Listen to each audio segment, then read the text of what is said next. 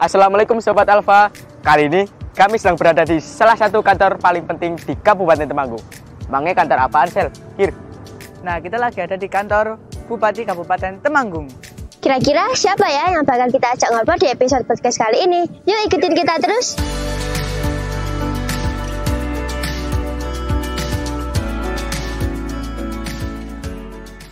Guru yang paling berkesan untuk Bapak siapa sih dulu? Eh, mungkin guru SD, SMP, SMA atau sebagainya. guru waktu salah satu mata kuliah. Ya. Ada salah satu dosen di mata kuliah saya itu dosennya killer banget.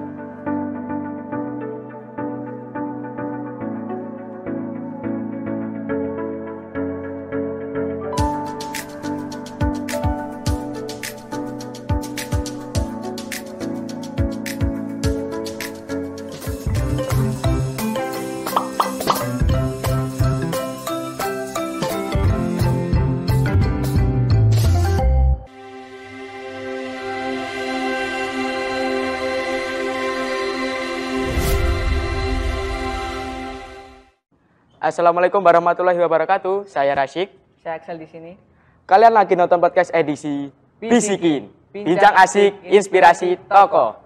Gimana sih perasaan musik?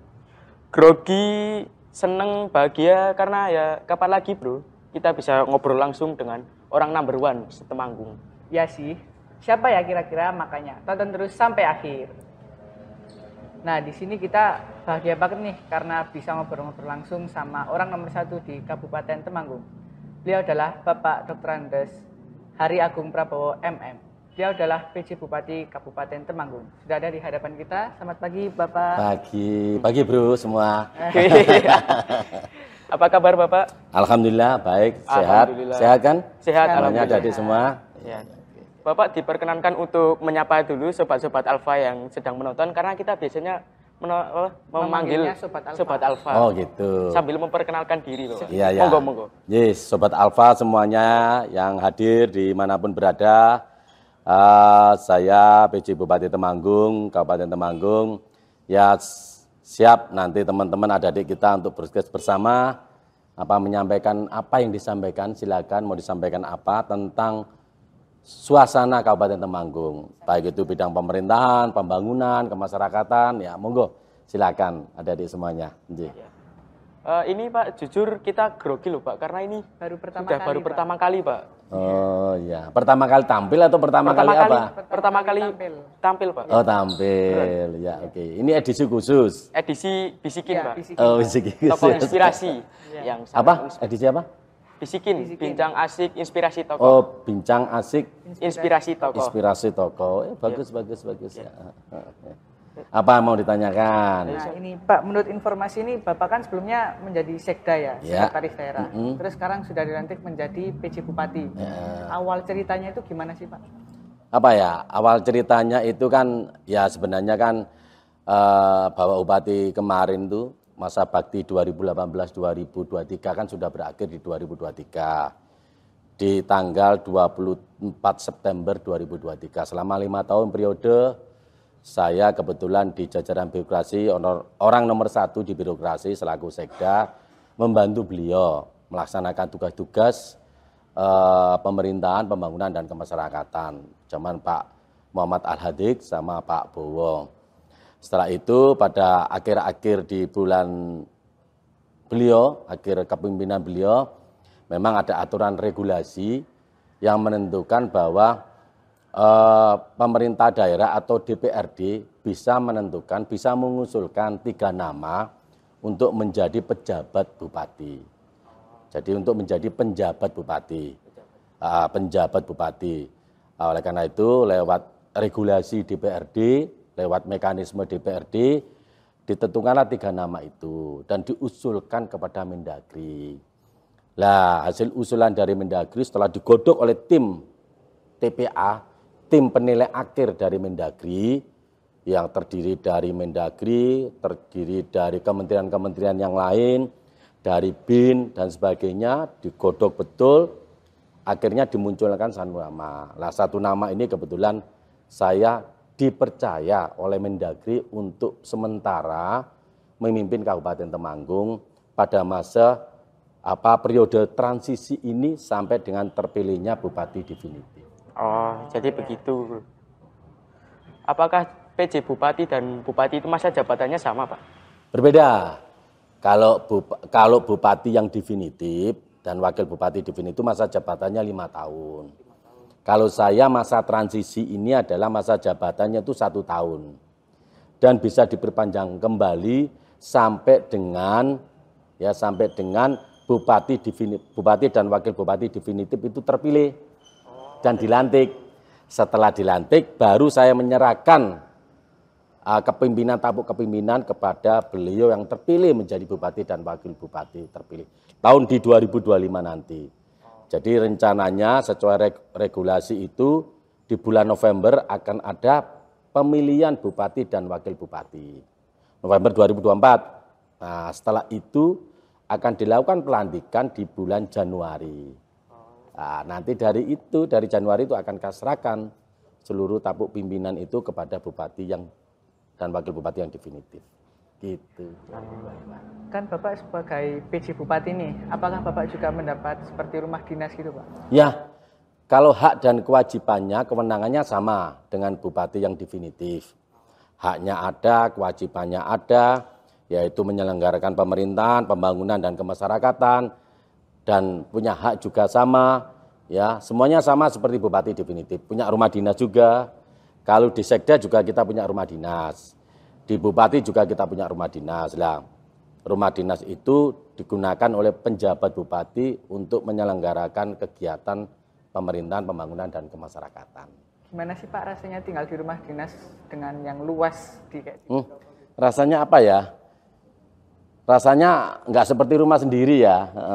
Rasanya kadang-kadang kalau di rumah sendiri itu yang pertama ya biasa kan rumah sendiri itu kan pagi ya karena rumah sendiri itu sempit. Nah, gitu kan.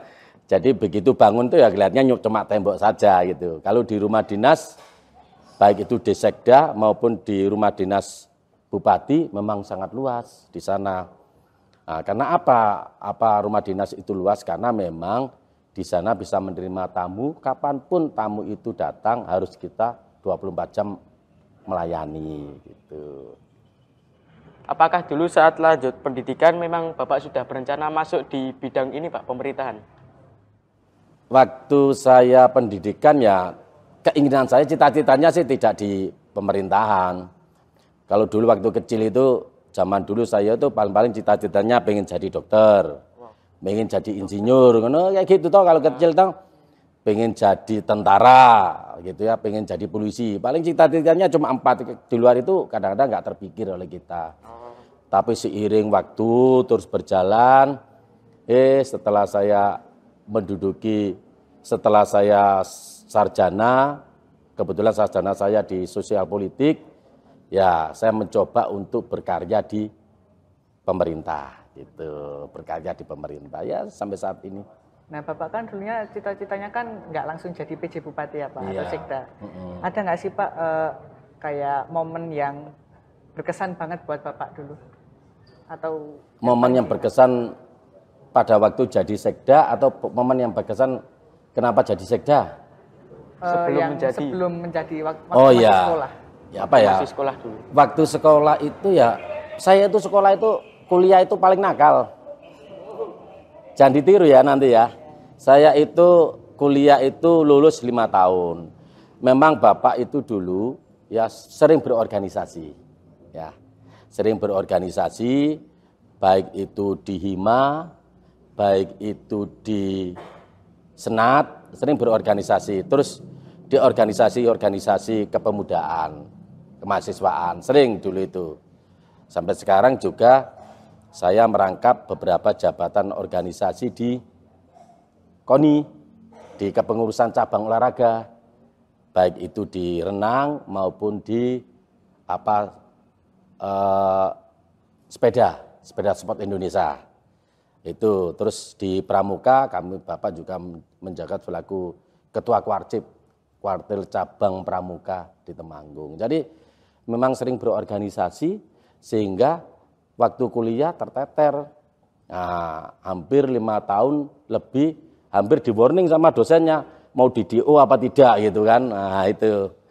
Nah, ternyata didorong oleh teman-teman sekuliahan, seangkatan Bapak, sehingga sekarang ya bisa bisa lulus lah sarjananya. Selain kejadian Pak, guru yang paling berkesan untuk Bapak siapa sih dulu? Eh, mungkin guru SD, SMP, SMA atau sebagainya. Apa ya? Yang paling berkesan saya itu guru waktu salah satu mata kuliah. Ya. Ada salah satu dosen di mata kuliah saya itu dosennya killer banget. Killer banget orangnya. Kalau ngasih nilai itu pasti paling ya maksimal D. Kalau enggak E ya D, E ya D gitu. Nah, kesan waktu berkesan itu saya sempat namanya namanya anak-anak ya kuliah ya.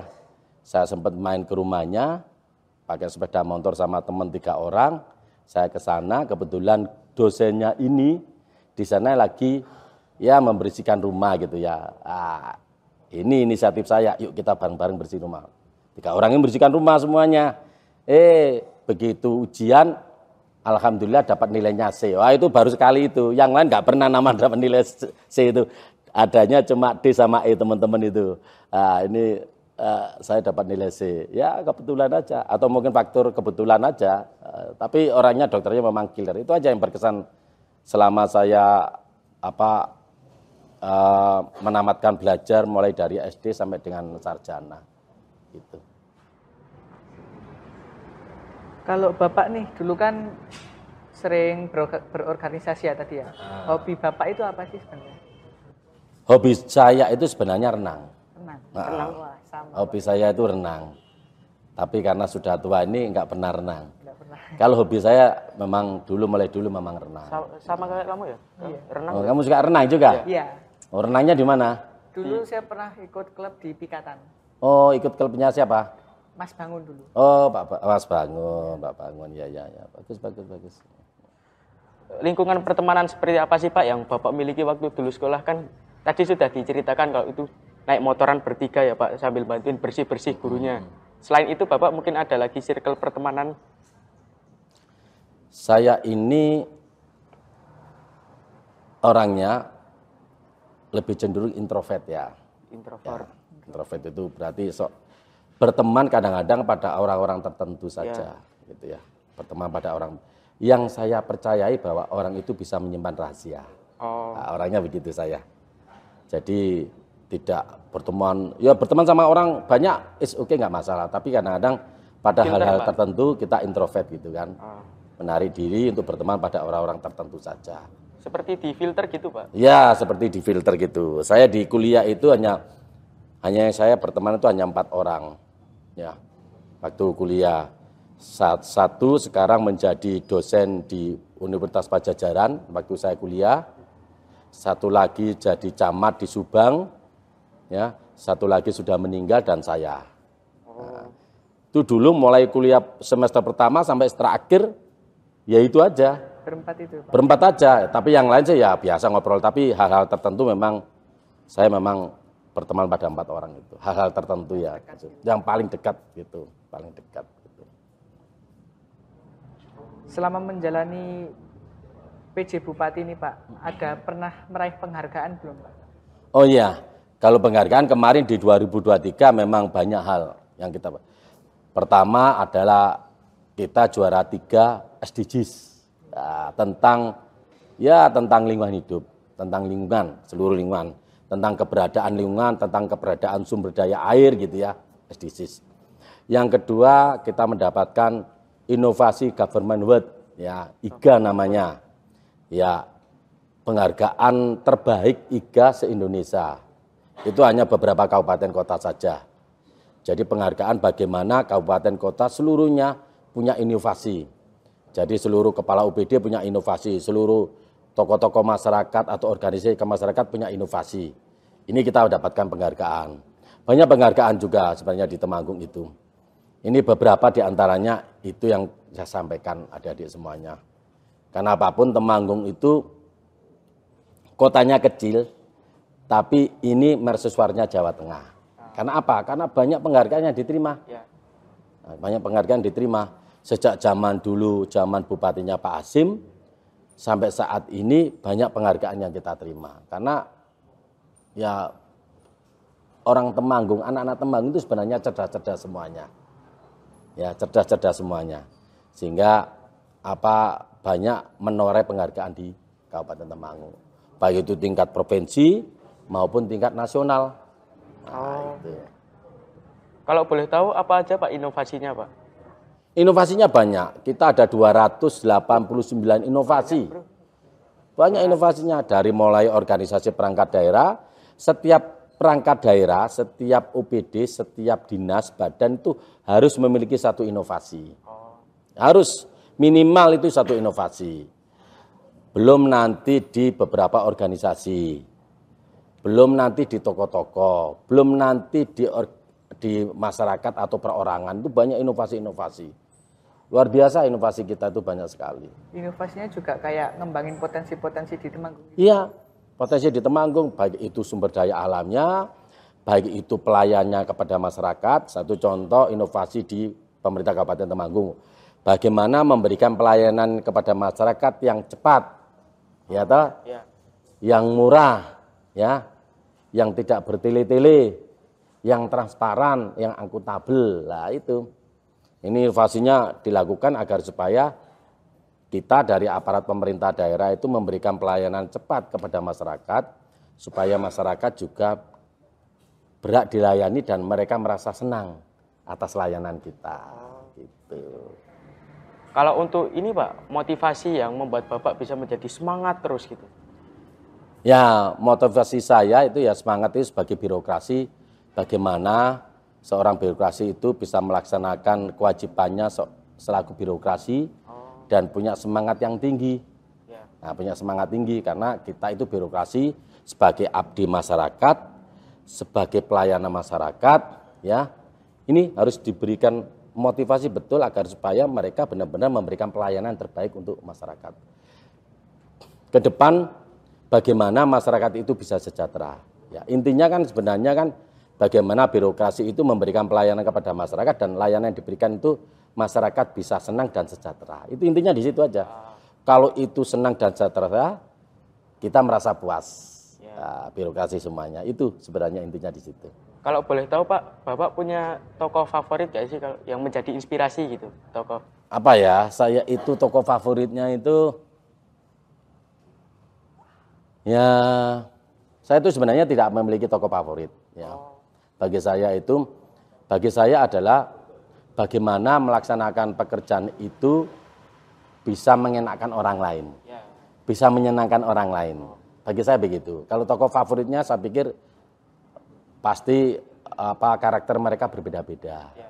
Karakter saya selaku uh, PJ Bupati itu berbeda juga. Sehingga yang intinya bagaimana kita memberikan pelayanan kepada masyarakat yang terbaik, bagaimana kita bisa memberikan kepuasan kepada masyarakat itu aja sebenarnya. Nah, kalau tokoh favorit nggak ada siapa ya? Aku juga bingung gitu loh. Oh, Hanya tokoh-tokoh itu punya punya karakter sendiri-sendiri. Bapak Presiden sekarang saya juga favorit Ya. karena beliau punya karakter tersendiri. Ya itu yang kita ambil hal-hal yang positif yang kita ambil positif untuk kita ya. bisa bisa implementasikan di lapangan. Pak dari kemarin kan saya lihat dari sosial medianya Bapak nih yang di Instagram. Mm-mm. Itu banyak kunjungan-kunjungan itu apakah termasuk dari salah satu tugas Bapak? Ya, kunjungan-kunjungan itu salah satu tugas Bapak, yaitu ya tadi itu bagaimana kita bisa langsung ke masyarakat, cek betul kondisi lapangan, apalagi saat ini kondisi dunia tidak menentu. Kondisi dunia tidak menentu, terjadi beberapa perang dunia, perang-perang di, di, di apa di negara-negara lain seperti apa Soviet, apa Rusia dengan apa Ukraina, terus eh, Palestina dengan Israel, ini kan mempengaruhi guncangan dunia. Nah, oleh karena itu karena stabilitas dunia tidak menentu inilah pasti akan mempengaruhi banyak faktor, termasuk juga terkait dengan masalah apa eh, inflasi daerah, inflasi nasional, inflasi nasional.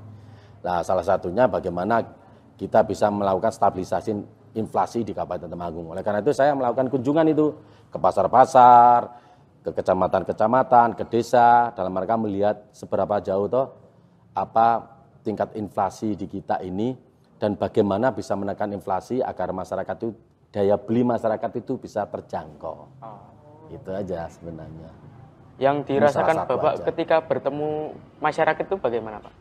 Kan Bapak sering kunjungan nih Pak. Tadi Mas Axel bertanyakan Bapak berarti sering kunjungan nih. Mm-mm. Rasanya bertemu masyarakat ini Wah, gimana senang. Pak? Dan senang sekali karena apa? Masyarakat pasti akan menyampaikan beberapa hal tentang Ya. kondisi wilayahnya masing-masing, kondisi daerah masing-masing, kondisi desanya masing-masing. Pasti ini menjadikan inspirasi, bagi Inspirasi. saya untuk bagaimana memanage ke depan eh, lebih baik lagi. Itu pasti karena tanpa info dari masyarakat, tanpa info dari masyarakat atau rakyat, pasti Bapak tidak bisa berbuat apa-apa. Tapi kalau ada info dari masyarakat yang masuk ke ke Bapak, sehingga nanti ke depan bagaimana bisa memanage ini dengan baik dalam rangka bagaimana memberdayakan masyarakat dalam rangka bagaimana sejahtera masyarakat lebih baik. Ya. Ini Bapak kan menjadi PJ Bupati kan sama setahun ya. Ada nggak sih eh, kayak mungkin rencana infrastruktur baru di Temanggung gitu seperti layanan masyarakat? Ya, di tahun 2023 ini kita sudah membangun beberapa infrastruktur, terutama puskesmas. Ya. Ya. Layanan yang paling dasar kita adalah tiga sebenarnya. Satu adalah puskesmas, itu layanan infrastrukturnya, yaitu kesehatan. Yang kedua adalah pendidikan, ya, itu adalah membangun apa sekolah-sekolah. Yang ketiga adalah infrastruktur jalan. Nah, infrastruktur kesehatan itu layanan dasarnya adalah membangun puskesmas-puskesmas. Yang tadi puskesmas tidak layak menjadi layak gitu kan. Kemarin saya sudah meresmikan uh, puskesmas Tretep. Hari ini saya akan resmikan puskesmas Kaloran. Mm-mm. Ya, dalam rangka memberikan pelayanan, pendekatan pelayanan kepada masyarakat lebih baik. Yang kedua, di bidang pendidikan. Kita setiap tahun selalu membangun, merehab, merehabilitasi itu beberapa sarana prasarana pendidikan. Ya. Ya, itu kita rehab betul. Banyak yang kita rehab di pendidikan. Termasuk bagaimana membangun sumber daya manusianya, SDM-nya untuk bisa go teknologi. Ya, go teknologi itu berarti harus ada IT yang masuk di dunia pendidikan, ya. Seperti apa sarana prasarana komputer, ya teknologi-teknologi terkait dengan komputerisasi dan sebagainya itu kita lakukan di dunia pendidikan. Di infrastruktur juga begitu. Ya, kita bangun sarana prasarana jalan yang lebih baik agar supaya apa sarana prasarana jalan yang sudah baik ini untuk transportasi masyarakat-masyarakat yang memang dari desa ke kota supaya lebih lancar, lebih bagus gitu ya. Bagi bagi petani-petani yang akan membawa hasil buminya ke kota itu lebih mudah mereka kalau infrastrukturnya itu baik. Menurut Bapak potensi Temanggung di bidang SDA itu ada apa saja sih Pak? Potensi SDA kan? Potensi sumber daya alam di Temanggung itu sebenarnya banyak ya. Ya, Pertama adalah tentang pariwisata. ya pariwisata. Pariwisata di Temanggung itu sekarang lagi digalakkan kita. Karena apa? Kita itu penyangga Borobudur. Ya.